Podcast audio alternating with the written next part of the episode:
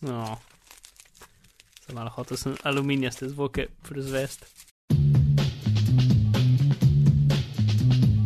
Dobro dan in lepo pozdravljeni v 49. epizodo Bitnih pogovorov. Danes je 13. januar 2014, moje ime je Najcu Žorga Dulmin, z mano pa sta še Alan Renner Živijo. in Mark Bizil. Živijo in pozdravljam tudi Sanja in Robi, pa tudi Hedvika. Kdo? Hevdika. Pa z vajem se piše. Ja.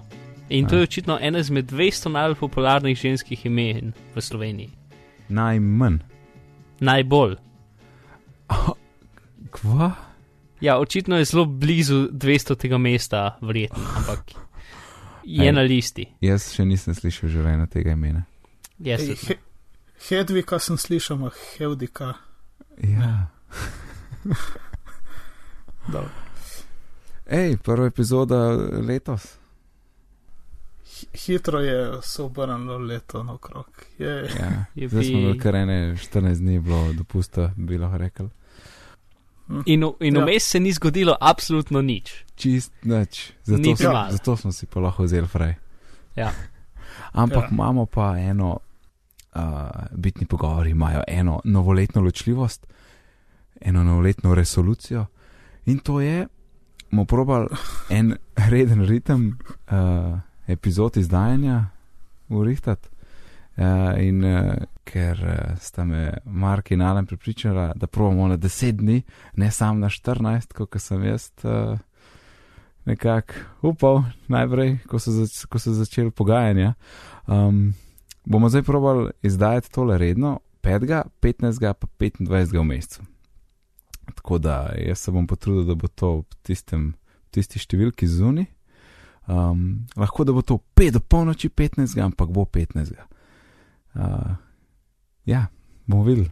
Tako da tole je 13 in do 15 mora biti zunaj. s, tem, Ja. čez dve, u- čez, čez, s tem, da je čez dve uri že 14. Ne? Vse ti bo uspelo. Ne Mi zaupamo, vate nec. Ja. Yes, yes. You can do it, a ne. Ok, uh, Boš zmogel, boš. Alan, Ja, nadaljevanje uh, imamo. imamo nadaljevanje, uh, dve napaki. Ena je moja, ena pa je splošna internetna. da rečem. Internet je kriv. Ja, itak. okay. Moja napaka. Ko sem uh, hvalil Iron Maiden, kako so uporabili podatke z BitTorrentov, uh, da so šli igrati svojim fenom, je to itek se izkazalo, da ni res, sem bom potem to povedal. Potem sem potem še rekel, da uh, so it, v ta namen celo izdali uh, koncertni CD in ga dali za stonj na voljo vsem. To niso bili Iron Maiden, ki so izdali ta CD, ampak Dream Theater. To je pač ena od posledic snemanja bitnih pogovorov v poznih večernih urah ali pa zgodnih jutranjih, kakorkoli. Uh, ja, v glavnem, CD je, uh, koncertni CD so izdali Dream Theater in ga dali za stonj uh, na voljo. No, vse povezave so bile pravilne, ampak eh, povedali Ja. smo pa narobe. Ja. Ja, in noben ni opazil takrat. Čeprav sem imel odprto stran in sem gledal v napis Dream Theater. In, Ja, jaz sem opazil, ampak sem pač zaupal, da boš ti bil, mislim, sem mislil, ha, očitno je to, ne vem, drugo, im, da je to sam stran, pa da je Iron Maiden izdala, ali kaj. Pač, ja, no, Iron Maiden, Dream Ja. Theater, čisto druga, uh, vsak svoj bend. Uh, izkazalo se je tudi, da uh, je novica o tem, da so Iron Maiden uporabili podatke piratov, pač BitTorrent podatke in šli igrati svojim fenom, da to ne drži. Uh, zakaj ne drži, oziroma zakaj je prišla ta zgodba ven, ki je sicer bila tako načeloma zelo spodbudna in meni osebno se zdel en fajn način za soočanje z, z modernim svetom in da ne pošiljaš odvetnikov, ampak sebe in to uporabiš svoj prid. Uh, no, kako je prišlo to, se dejansko ne ve, v glavnem spletna stran, ki, ker je bilo to objavljeno, kaj so že SiteWorld se upravičil, pravi, da to ni res. V glavnem, oglasili so se predstavniki iz Music, Music Metric, to so tisti, ki so pač objavili podatke o teh. Uh, um, O tem, kje se največ downloadajo stvari, in so povedali, da niso uh, Iron Maiden nikoli uporabili teh uh, podatkov, da bi glede na to uh, planirali svoje uh, tur. Tako da očitno si to nekdo izmislil, objavil na site World in to je potem se širilo po internetu z bliskovito hitrostjo in seveda tudi tle, jaz sem videl to novico in tudi še ostali, kar delil naprej, nič raziskoval, se pač tudi ni vedlo, ali je to res ali ne. To.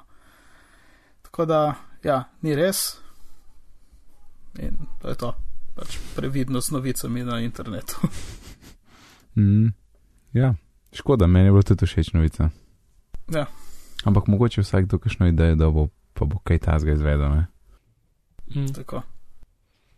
No, jaz sem tudi eno stvar, uh, tale Pirate Bay browser, ki sem ga prejšnji čisto omenil, pa sem rekel, da ni lih to, kar bi hotel, da bi bil.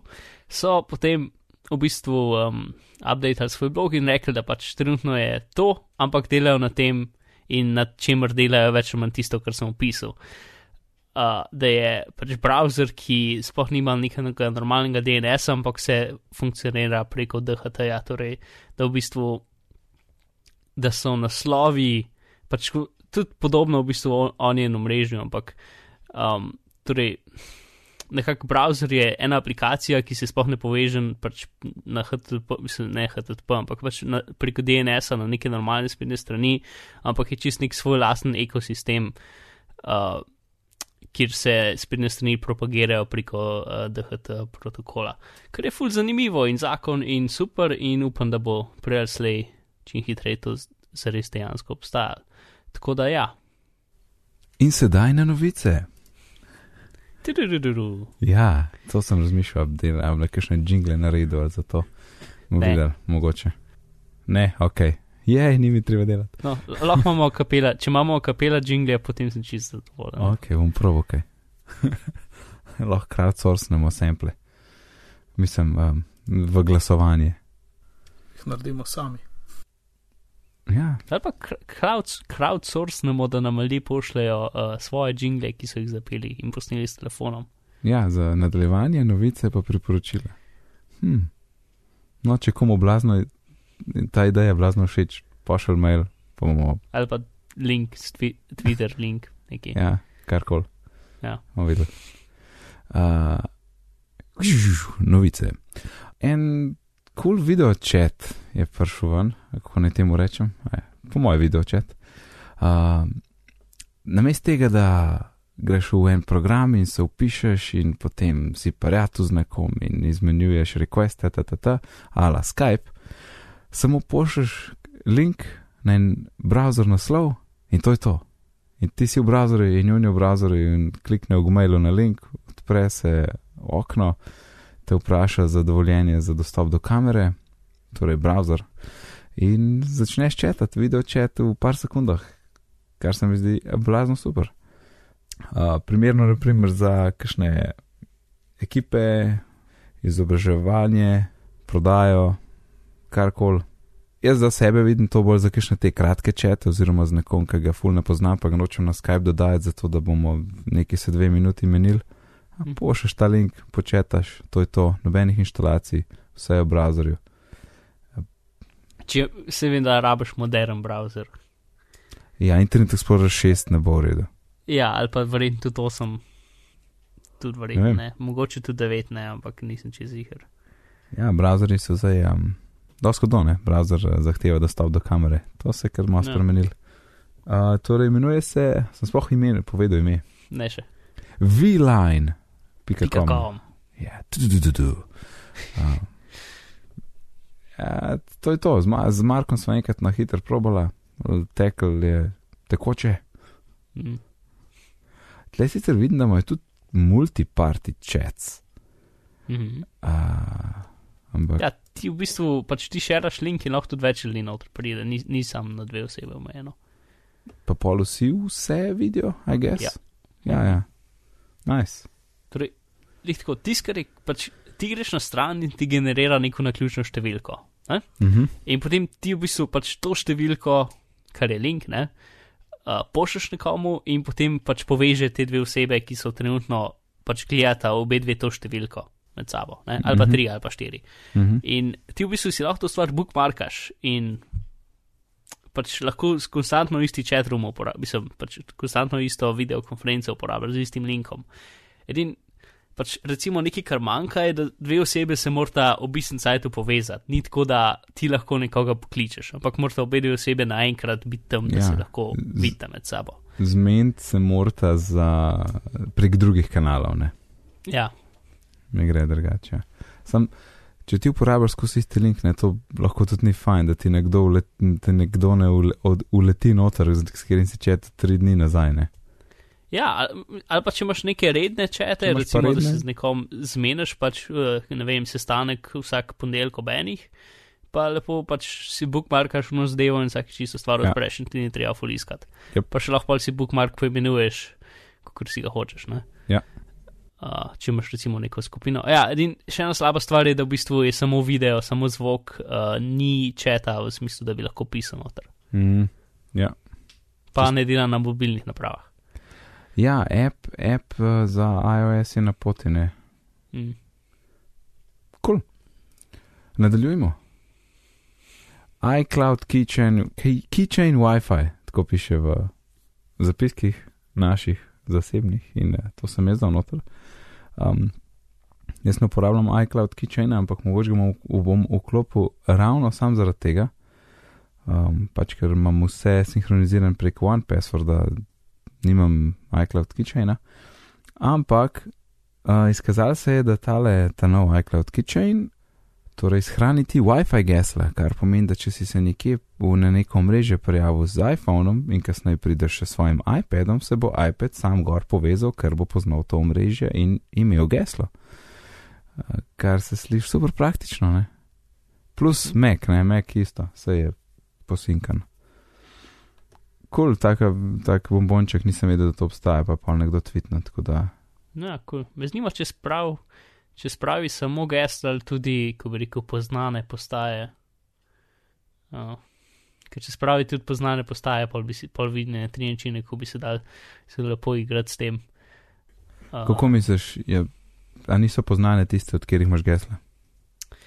Lahko, pač, lahko imaš tudi, recimo, če imaš odprto postajo, ne? Uh -huh. Ampak če je poznana, potem se bo telefon sam na njo povezal, in če ni poznana, potem se ne bo. Ne?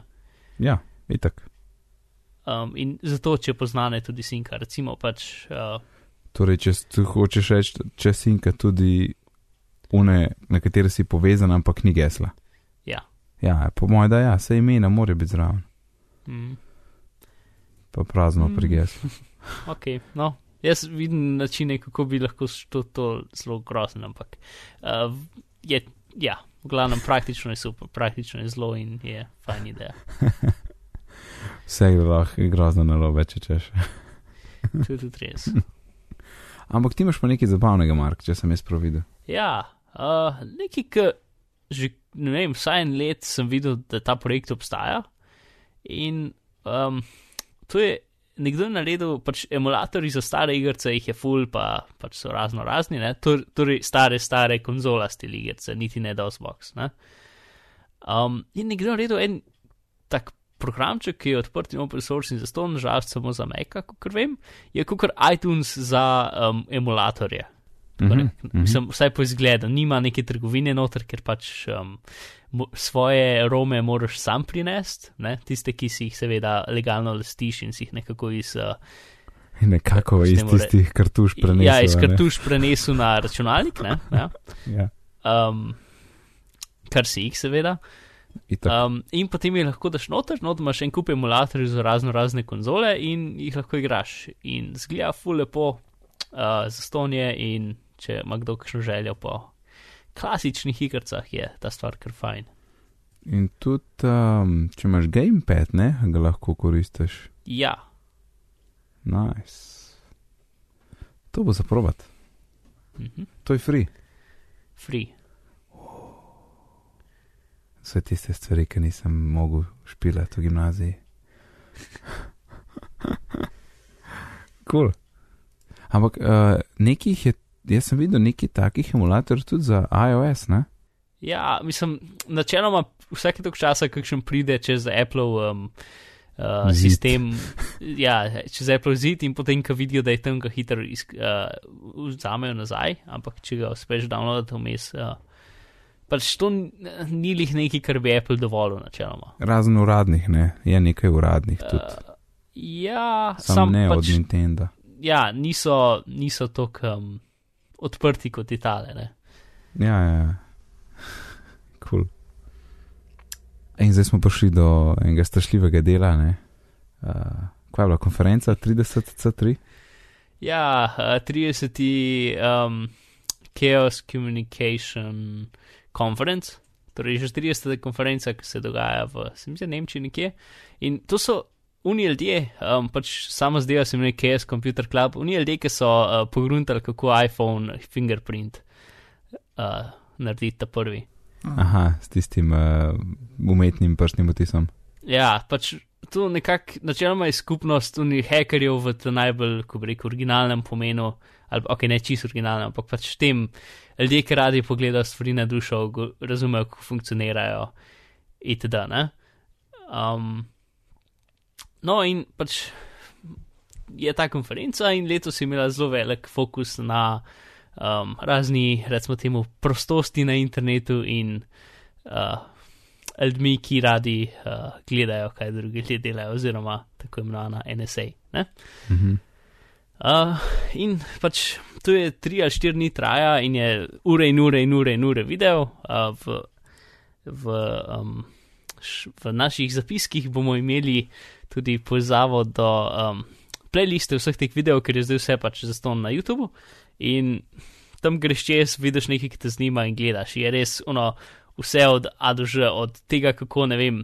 Uh, preko Bluetootha programi preprogramirati uh, armaturno ploščo v avtu, uh, do ne vem, pač grafične kartice za hekanje gesel, do pač to vse z NSA, full razloženo. To mislim res skoraj, ne vem, mogoče več kot sto raznih pač teh predavanj. Uh, nekatera so bolj zabavna, kot druga. Ne vem, so tudi, ne vem, ljudi iz uh, Cerna, ki razlagajo, kako, uh, kako um, pri, pač raziskovanje delcev funkcionira. Ne? Mislim, res je raznoliko. No? Če ima kdo kaj preveč časa, je to super, ver. Vsega mogočega. No, mi se bomo zdaj fokusirali na en točen video, uh, ki ga je predstavil um, kaj je, Jacob Applebaum, Mhm.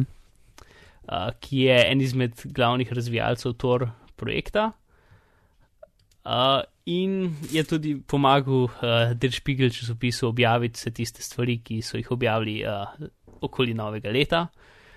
Uh, torej, to so bile pač razne večji detajli, kako razni NSA projekti pač delajo, pa tisti nek, nek njihov pr, uh, produktni katalog uh, svojih um, vohunskih igračk. Ne? Mhm.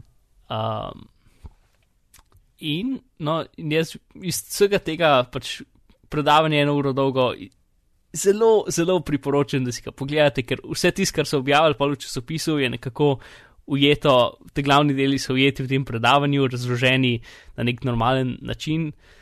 Um, in izjemno, izjemno strašljivi. Mislim, pač Yep. Ja, in depresivni. A, mislim, se večino stvari, ki jih delajo, so, so take, da ciljajo eno osebo. Ne? In pač to, kar rečeš, ok, ciljajo eno osebo, to je še približen ok. Ne? Ja. Uh, čeprav ta oseba je mogoče pač Jacob Applebaum, ki je nekdo, ki se pač bori za pravico teh zadev. Ne? Ja. Um, in njega tudi ciljajo, in mogoče on ni tista oseba, ki bi ljudje hoteli, da- da ciljajo. ne. Um, pa so pa druge stvari, ki pač je prizem in te zadeve, ki pač manj pač dajmo posneti cel internet, ga analizirati in potem ugotoviti, kje ljudje so slabi. Ne? In tukaj, tukaj pa nis, mislim, tu, to je ta scary del. Ne? In zdaj tukaj je izpostavljen pač en. Tukaj se treba zdaj malo ustaviti in reči, oni imajo en velik kup kodnih imen, ki so ob enem zelo smešna, ob drugem zelo taka čudna in uh, ja, v glavno. A to Torej- imena za projekte, misliš? Ja, imena kratice, projekte. Pa potem, ko se Ja, ratajo saj niso, besede. niso pa- kratice, so neke naključne besede, jih so dve besede skrbdane. Um, ala Ja, Weasel Cannon. Uh, ja. itd. V glavnem, torej, oni pač z, na, na neki osnovi, uh, osnovni zadevi je tak proje, ta, nek, ne, recimo temu projekt, ki se imenuje Quantum, ki nima nič zvezi z kvantnimi računalniki, um, ki je tak nekak sistem, preko katerega druge stvari funkcionirajo. Torej, pač to vzame vse te podatke. Um, Vse pač podatke, ki jih NSA prestreže preko večine interneta, potem avtomatsko pač preišče, uh, preišče stvari za sumljive, um, ali, pač neka sumljiva dejanja. Ne vem, recimo si prišel iz tega kraja in šel na to spletno stran, ki je na njihovi listi. Um, in potem tudi delno avtomatizirano. Um, Pač da ve, prestreže pač bolj natančno podatke, analizira, po možnosti da virus na ta računalnik, zato da pač res dobite prave podatke. In potem mogoče, ki je vmes je celo kakšen človek, čeprav ni nujno, definitivno pa ni vmes kakšnega sodišča. Mhm. Um, ja, pa kakšnih sodnih nalogov. Ne? ja, ali pač česarkoli tazga. Uh, to bi samo omejevalo. Uh, tu- tukaj so deli, ki so dosti bolj razloženi v tem predavanju, ki še enkrat zelo priporočam, da ga pogledate. Ampak je ja. Vse zelo skeri. Pač, ob- pač velik del tega kvantum zadeve je pač. Um, torej, oni dobesedno pač hekajo, kdaj tudi uživo internetno infrastrukturo, zato da so pač bližje tarči. Ne? Ker, kot smo zdaj ugotovili, imajo dokaj velik um, teh nekih. Pač, ne samo, da imajo svoje lastne postaje, ki prestregajo podatke, ne? imajo tudi en kup pač nekih velikih routerjev, ki jih recimo bi Telekom uporabljal, imajo pač, uh, ko se temu reče po slovensko, svoja vrata noter, ne? Mhm. in če rabijo, lahko pač zasežejo ta router in, pač, in dajo ukaze njemu. Ne? In do te mere tudi imajo pro, pač projekte, ki grejo na tvoj lasten domači router. Ne? In celo pač v računalniku, na, na WiFi kartico v računalniku, tako lahko druge računalnike okoli tebe um, še skenirajo in, uh, in okužijo. Ne? Mislim, to je res ta, skoraj bi rekel, militarizacija interneta, kjer pač čisto neko ta najhujše hekanje, ki je le možno, ampak za strani države, um, ki je čist nekontrolirano. Ne? Čist. To je dokaj zelo depresivno. Um, ja, no. To in pa še ta druga stvar, ki se nekaj, ki se imenuje Quantum Copper. Pač sej, glavno, zdaj sem nekako izpust, izpustil vsa ta imena. Um, imajo tudi možnost, da več ali manj tukaj ima Firewall of China, da pač če vidijo eno povezavo, ki jim ni všeč, lahko pač deautor, um, pač pošljejo eno komando, da se ta povezava prekine. ne. Uh, to lahko več ali manj celemu internetu naredijo, če hočejo. Uh, zato, ker imajo pač to kruterjev.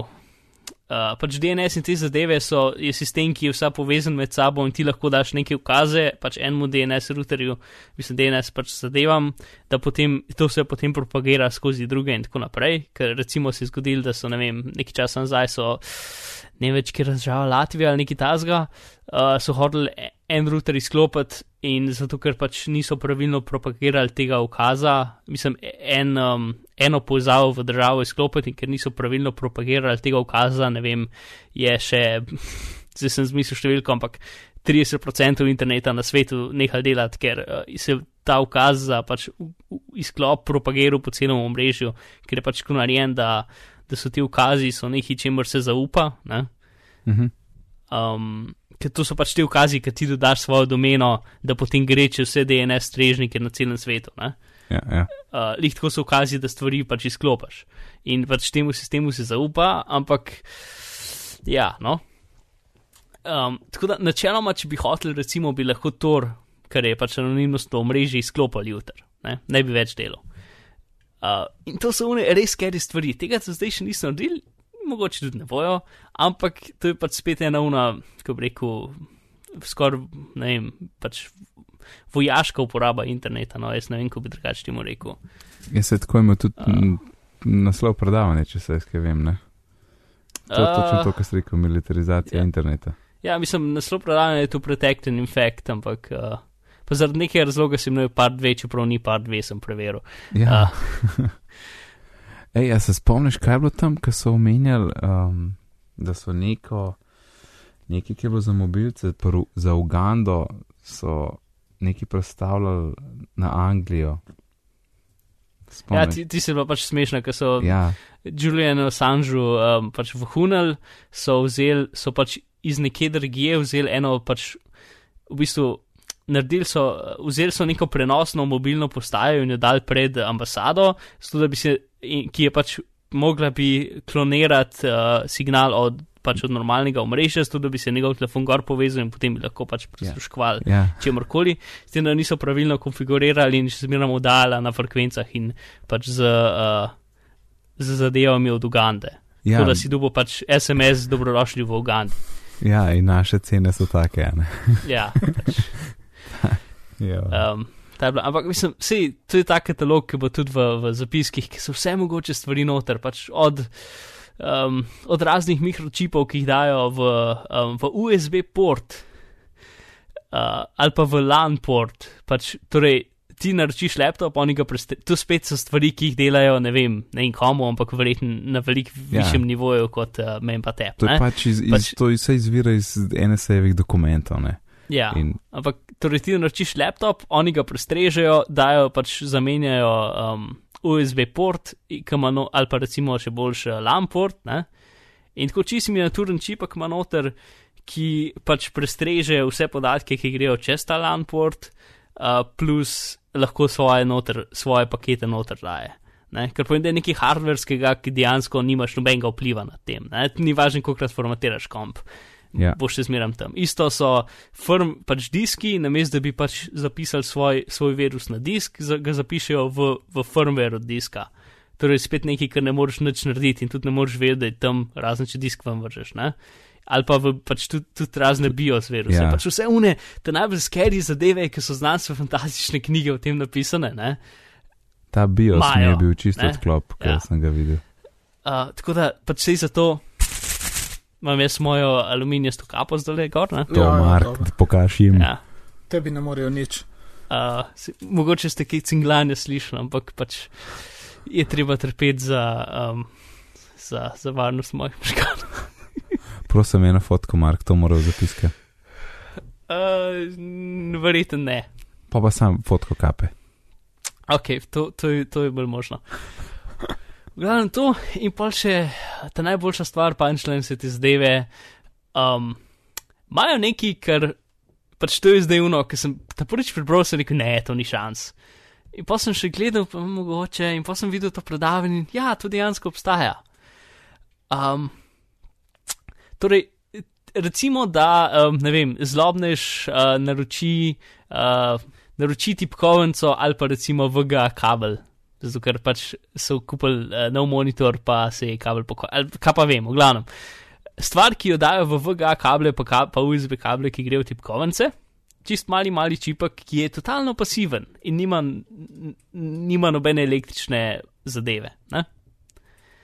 Uh, ki ga lahko osvetliš z zelo močnim radarskim signalom od, ne vem, verjetno kilometrov stran, in potem signal radarski, ki se vrne nazaj proti tebi, je moduliran na tak način, da lahko ti podatke prebereš. Torej, to je tako, kot če se spomniš, um, a, kaj je že bil ABC na avtocesti, ki, a veš, tista zadeva imela dejansko, ali pa pač RFID, ne, pasivno, ja. pasivno, um, pasivno pač. Uh, Ni bilo na napajanju, ne? Ja, pač torej pasiven čip, ki nima nobenega napanja in ki ga pravilno pač. Uh, Ki ga pravilno. Um, Sporiš. uz, ja, okay, uh, pač potem pošlje podatke nazaj. Ne? Ampak to je še en, en bolj komplicirano, ker gre preko radarja in pač noben ne testira za radar. Ne? Mm. -hmm. In lahko direkt sliko dol iz monitorja z tega dobiš. No, ker, ker gre v kablu med računalnikom in monitorjem. In pač, ok, to so zdaj pač une James Bond zadeve. Ne? Proti tem, jaz se tega ne bojim tako zelo. Ne? Uh, bojim se, ne vem, tistega nekega njihovega iPhone virusa, ki pač, ok, whatever, ampak spod piše, kjerkoli iOS naprava je zagotovljena, da bo, da bo ta virus delal na njej.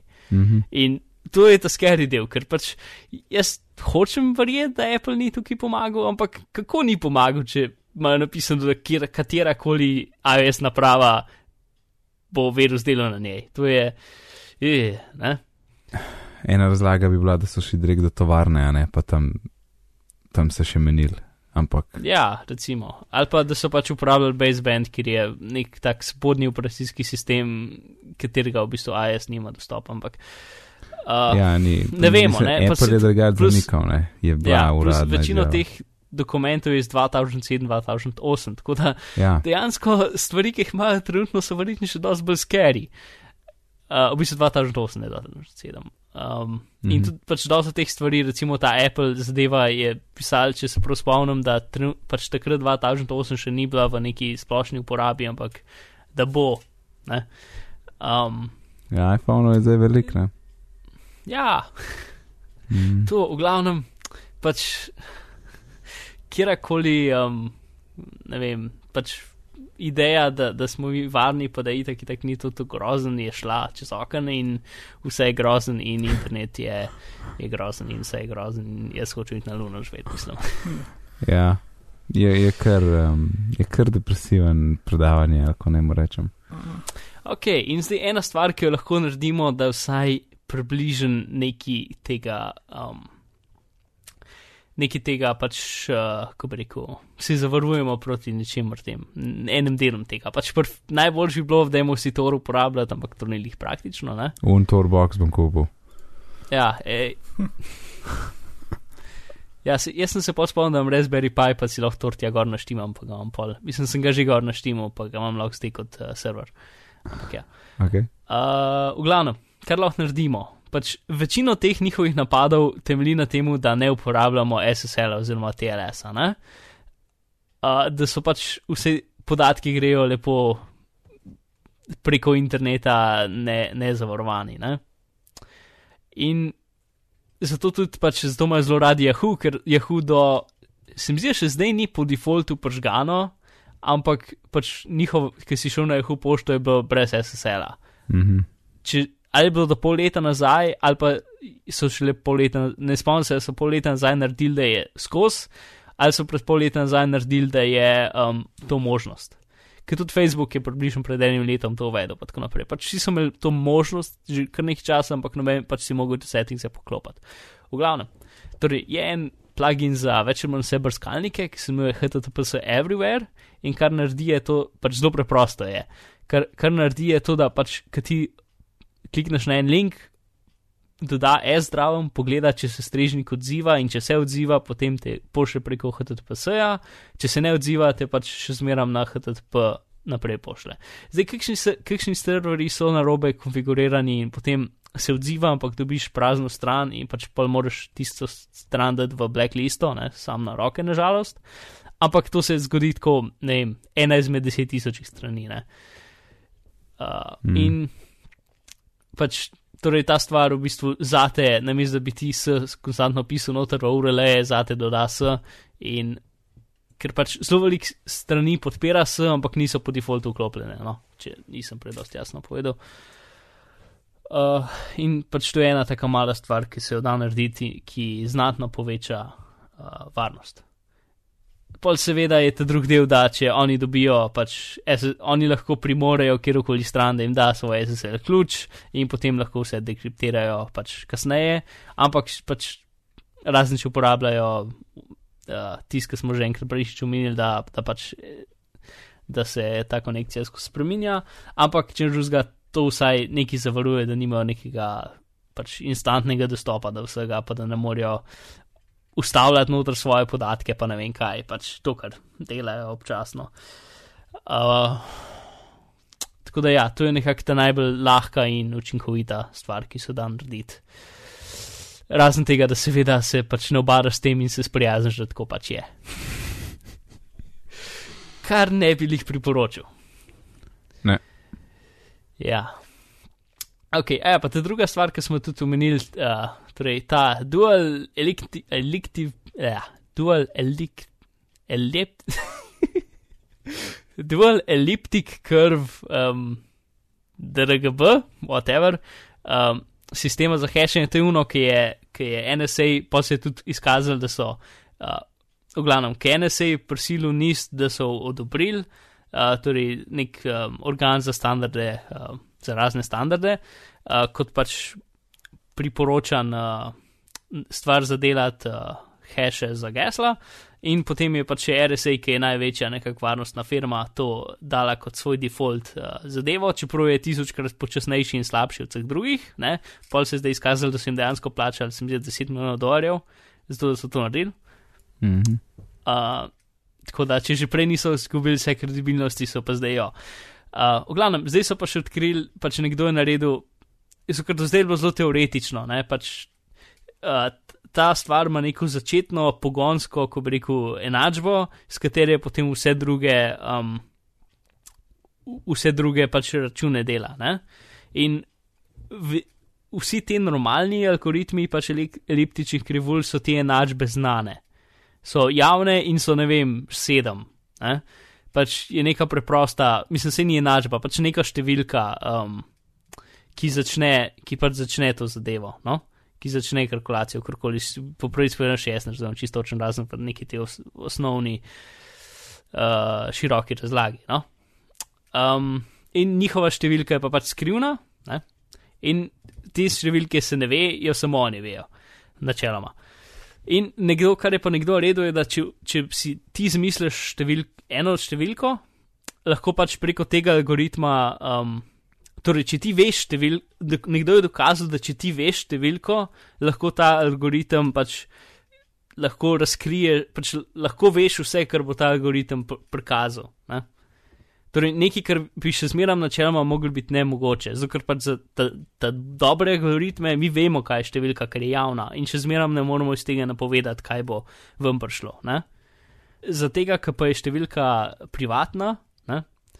so pa ugotovili, da če pač vzameš številko, ki jo vemo, potem lahko pač dobi, ugotoviš, kaj je rezultat. Seveda, te številke, ki jo standard, mislim, ki jo dualece DRGB dejansko uporablja, ne vemo in jo verjetno tudi nikoli ne bomo vedeli, ker je velika in jo bo zelo težko odkriti, ampak nekdo jo verjetno ve.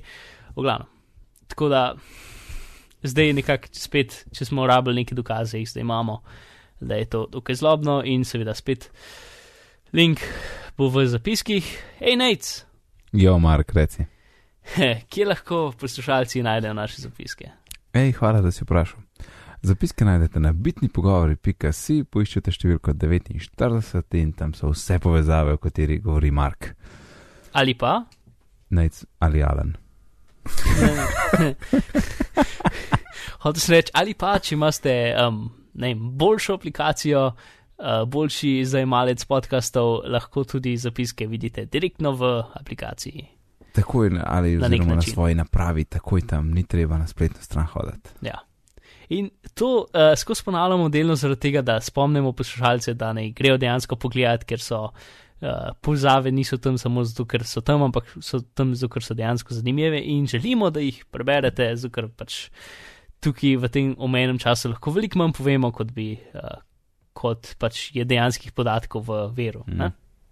Plus zabavno je vse skupaj. Ja. Ok. okay. Zdaj pa še neki keksov. Keksov. To je čist mala stvar, pač uh, v Chromu, mislim, v Chromium projektu so zdaj naredili, da so cookie po defaultu uh, kriptirani. Torej, do zdaj je bil pač ta problem, ker ga imajo več ali manj vsi brskalniki, da če nekdo pač recimo pride do, do, na tvoj računalnik, lahko vzame piškotke, piškotki so tisti, ki pač uh, strani povejo, kdo si ti, ne? In če jih nekdo preprosto skopira svojega računalnika na njihov računalnik, bo upisan v Facebook ali pa Twitter ali pa karkoli, ker ima pač tvoj piškot. Ne? Zdaj, včasih je to veliko hujš, ker pač sama povezava ni bila kriptirana in ti lahko nekdo preko mreže ukradel piškot. In bilo to veliko, veliko hujš. Ampak pač, ker zdaj je HTTPS, ne, lahko še zmeraj pač je napad prišel na to, da če nekdo ima fičen dostop do tvojega računalnika ali pa tudi če nekako pride gor prek neta, lahko vzame piškotke in se spet pač pretvarja, da si ti. Nima tvojega gesla in pač ko, če se ti enkrat izpišeš, potem se ne more nazaj not upisati, pa tudi ne moreš spremeniti tvojega gesla, ampak lahko se pa pretvarja, da si ti ta čas, ko si upisan na strani. V glavnem, um, zdaj bo pa Chrome začel kriptirati svoje piškotke, tako da bo to veliko težje. Kar je fajn in super, in uh, še en korak bliže uh, k neki boljši internetni varnosti. Ok, no, zdaj pa lahko s tem zaključimo za ta teden, s temi lepimi novicami, ki so zelo pozitivne. Ja, ampak še ni konc podcasta, ne? Ja, Gremo na naše priporočila. Uh, aha, očitno sem jaz prvi. Nec, kaj nam boš povedal? Ok, uh, čisto ena sam na hit izkušnja, ki lahko komu prav pride. Um, v bistvu sem prvič delal in mi ratal, kar je super. Ena kolegica je kupila MacBook Air in doma ima printer in ta printer je povezan prek USB-ja na PC računalnik, kjer so Windowsi. mhm. Uh, in je hotela tiskati, ne? ja. In ni šlo, ker uh, je zdaj imel problem to povezati. Zdaj ti printer ni WiFi printer, tako da mora biti povezan nekam na USB, oziroma z USB-jem. Um, tako da, ok, vedel sem teorijo, nekaj jaz bom nekje pošeral printer, pa bom pa tam dodal na Meku, pa bo to delala. Ne? Uh, v glavnem printer je bil šeran, čist tam pač v Windowsih desen klik, lastnosti share, ne, pa ime printerja. In pogreš na, na MacBook Air in dodaš printer, in potem tam upišeš IP računalnika, pošiljnica ime printerja. Ne. In jaz to dodajam, pa tako, in nič ni delala. Ne. In meni je bilo skozi sumljivo v tem smislu, da jaz vem, da ta Mac zelo nima gonilnikov za ta printer, nima pojma, kakšen je ta printer. Tudi če mogoče ta povezava deluje, pa se kaj pingata ali kaj, to nič ne dela, ker sem znata pogovarjati. V glavnem, in zdaj kako spraviti drivere gora, ne? ker uh, Apple ima pa vse to nekako v OS-u in načeloma ti ne downloadaš driverjev za printer. In tudi, ko greš na spletno stran, ne vem, kaj NHP je bil.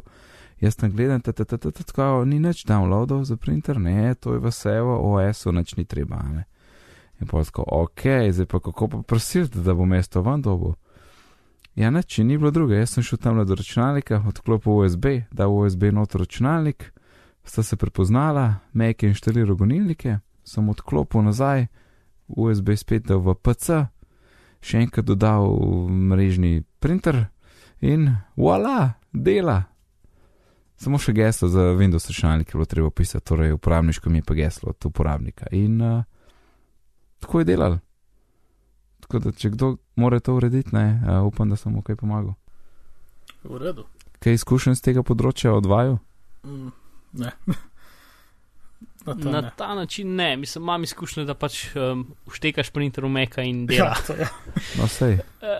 um, kar je magično proti, kar moraš narediti z Windowsi. Ne? Ampak Ja. uh, poleg tega pa ne, to, to z enega na drugega pa še nisem probil, ampak je zanimivo, da dela. Uh, Ja, ja, ja. In sem. Prijetno presenečen. Ja, jaz tudi, sploh, ker tako je, je bo že malo challenge, da se moram rešiti in, in je ratal. Mm. Jej. Um, hm, hm. Gospod Talan, Oh, ja. ti rabiš budžet, ja, nujno ga rabiš. Pomaga. res je. Mislim, V eh, glavnem. ja, kar povej. Ja. Uh, odkril sem končno eno aplikacijo, finančno, ki je tista ta prava. Bi se reklo, je tisto, kar sem iskal, hkrati pa je še mnogo več, kot sem iskal. Ja, ker ni sam Ah. app, ne. Ja, Ja. je cela filozofija v zadju. Mm. Torej, govorimo, govorimo o aplikaciji You Need a Budget, potrebuješ proračun. Ali wine app po domače. Ali YNAB. Uh, ja. Ja. Uh, dejansko filozofija aplikacije za beleženje financ ni samo v beleženju financ, kam gre vsak tvoj cent, ampak, uh, kot že samo ime pove, je usmerjena v, uh, v ta budžet, v proračun. Uh, se pravi, point je, da vnaprej veš, oziroma predvidevaš, kam bo šel denar. Oziroma, lahko se tudi samo pred, se pretvarjaš, da predvidevaš, ker ti ni nujno vedeti. Važno je, da si nekako kot Nec je zelo lepo povedal, ko smo se pogovarjali o tem, kot en GTD za finance. Da ti zapišeš za vsak, eh, bi se reklo, za vsak evro, za vsak cent, kam bo šel, tudi če se potem situacija spremeni in ne, in ne porabiš toliko za uno, kot si zapisal. Važno, da jih da zapišeš, da daš nekam noter, uh, da imaš pregled. Mhm. Uh, to je recimo tudi prva, tale filozofija programa je na nekih štirih, štirih temeljnih uh, pravilih. In pač prvo pravilo je to, da pač reč vsak, uh, samo malo. Mislim, da kako dejansko vsak, vsak- vsak dolar rab službo, ali kako bi rekel. Ja, ja, nekaj, ja, Nekaj v to smer. tako je. Ja. Dej vsakemu dolarju uh, uh, neko pravek, Mm. bi se reklo. Uh, potem drugo pravilo je uh, pač šparaj, no, dejansko vrčuj v smislu, uh, če veš, da boš čez vem, naslednje leto ali čez eno leto moral plačati recimo zavarovanje avta, lahko si že zdaj razdeliš tisti strošek recimo in šparaš za takrat. In potem, ko pride tisti dan, imaš že zbran denar. Uh, tretje pravilo je pač nekako tako, bi se lahko ga prevedlo kot pojdi s tokom. Se pravi, to je tisto, kar sem rekel na začetku. Če pač ti določiš nek proračun za neke stvari, ampak vidiš, da, uh, da si porabil več oziroma manj, aplikacija sama prilagodi nekako.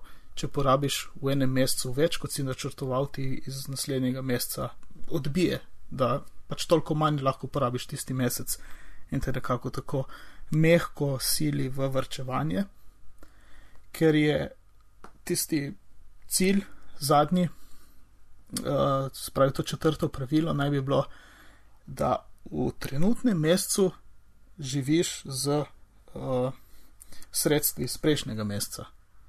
Tako da imaš vedno, bi se reklo, eno plačo bufferja. Ja, to je ultimate goal, ja. Ja, to bi bilo idealno doseči. Uh, Mhm.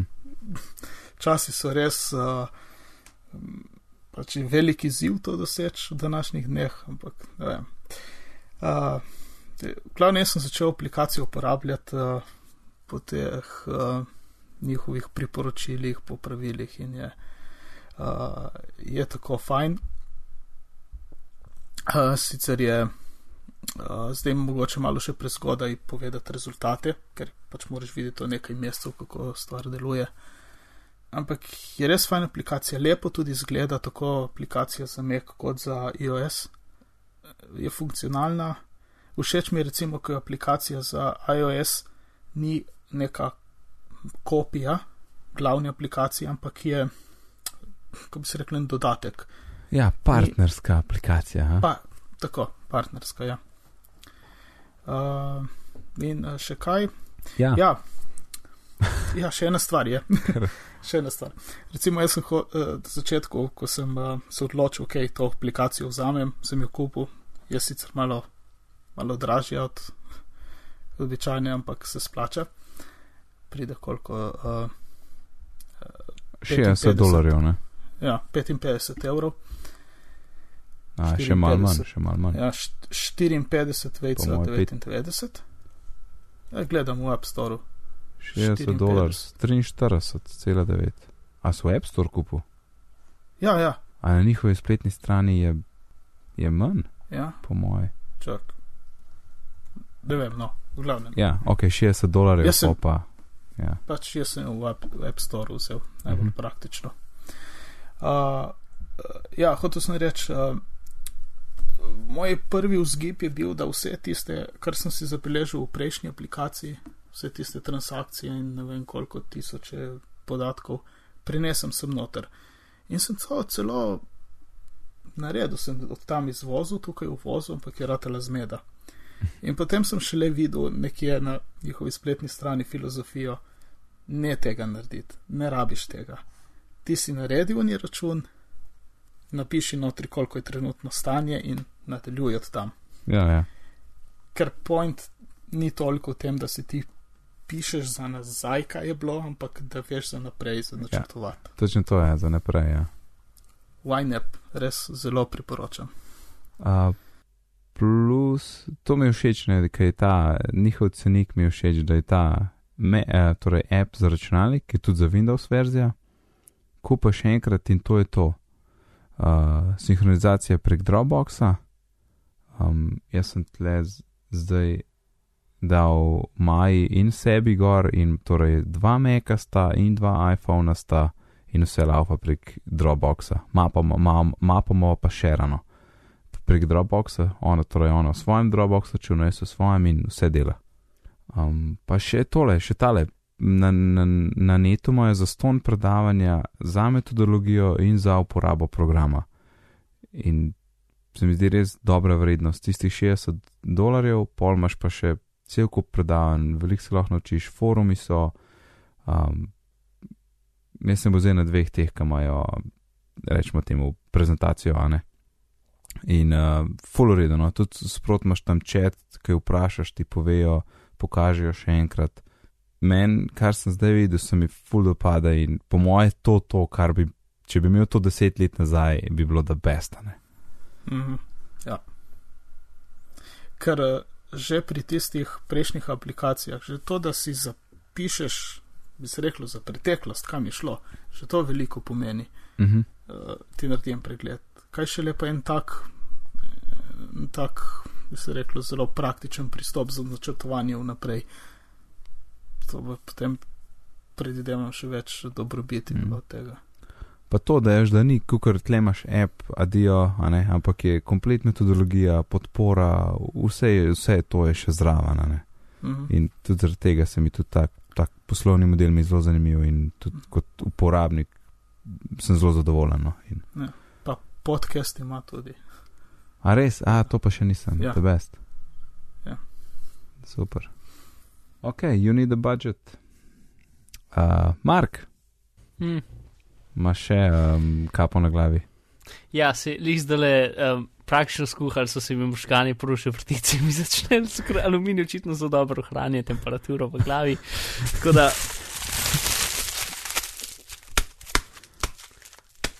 Zdaj nekako razumem, zakaj ljudje z aluminijastimi kapljami verjamejo v vesolce. Čeprav se mi zdi, da to je dejansko obratno, ampak jaz sem rekel, da je, da verjamem v vesolce zato, ker ima aluminijaste kape na glavi. Um, ker jim s časom skuhajo možgane. No, kaj ne boš priporočal? Ok. Ha, morda se je prijetno. um, Planom. This Machine Kills Secrets. Uh, knjiga od Andija Greensberga um, o nekako ozadju vsega tega, ker smo, sem jaz zdaj že dosti časa govoril, če koga to malo več zanima. Uh, neko zgodovino um, nekega modernega uh, ne vem, whistleblowanja, kakorkoli se temu reče po, po slovensko. Uh. Žvižgači. Ja, ja. A, se, a se dejansko reče žvižgači? Ja, to se uporablja. Ok, no, prav, uh, žvižganje, torej, ja, žvižgačenja.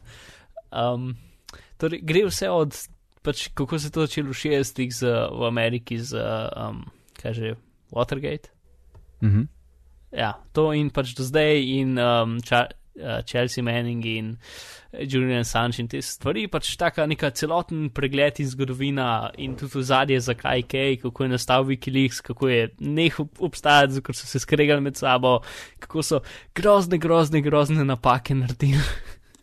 pač, o, te stvari so tukaj pač zabavne, skoraj kako je pač um, so v bistvu Wikileaks ljudje nesposobni bili. Um, in zaradi tega je tudi pač Wikileaks več ali manj razpadel. Um, in tudi pač predtem kriptografija skozi leta, pač te neke kriptografske vojne v 90-ih, pač ker Amerika pač do. do, zgo, do um, v 90-ih je bila pač krip, močna kriptografija, bila klasificirana kot streljivo in jo nisi smel izvoziti drža, iz države.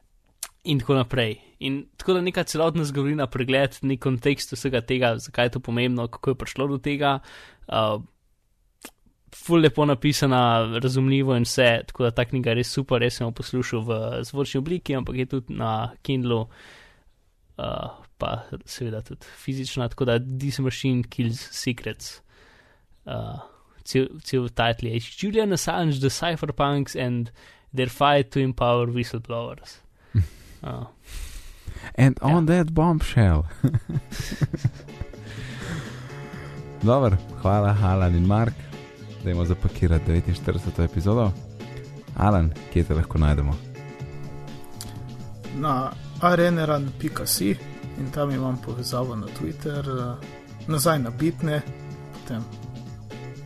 Tako. Okay. Uh, ja, in to je to. in še neke druge povezave. Uh, hvala. Uh, gospod Mark, pa vas? uh, na Twitterju, um, Bismarck, ker bom verjetno začel kmalo trditi, da vesoljci obstajajo zaradi vplivov te aluminijaste uh, čepice. Um, in nadaljne tudi v uh, skriv, glavnem, prihaja skrivni projekt, uh, o katerem bomo verjetno govorili naslednjič.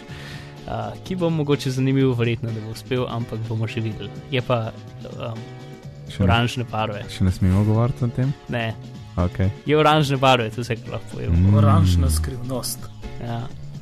Vse je oranžno, ne? Ja, ja, zlatka sta oranžna, vse je, vse je. zelo blizu uh, pitni. Jaz menim, da je. Ja. No, super. A to je to? To je to. Ok, okay moje ime je pa Nec, na Twitterju me najdete pod oddelkom NECD, sicer se ukvarjam z izobraževanjem, pišem pa tudi za jabolko.org. Vse, kar smo omenili, najdete na bitni pogovori.si oziroma na, na vaši napredni napravi za poslušanje podcastov. Na Twitterju smo pod bitni pogovori in pošta je bitni pogovori afnagmail.com. Če ste slučajno v iTunes, bomo kakšne ocene zelo veseli. A, tako da lepo se imejte do naslednjič in lep pozdrav. Čau, čau. Nasvidenje. thank you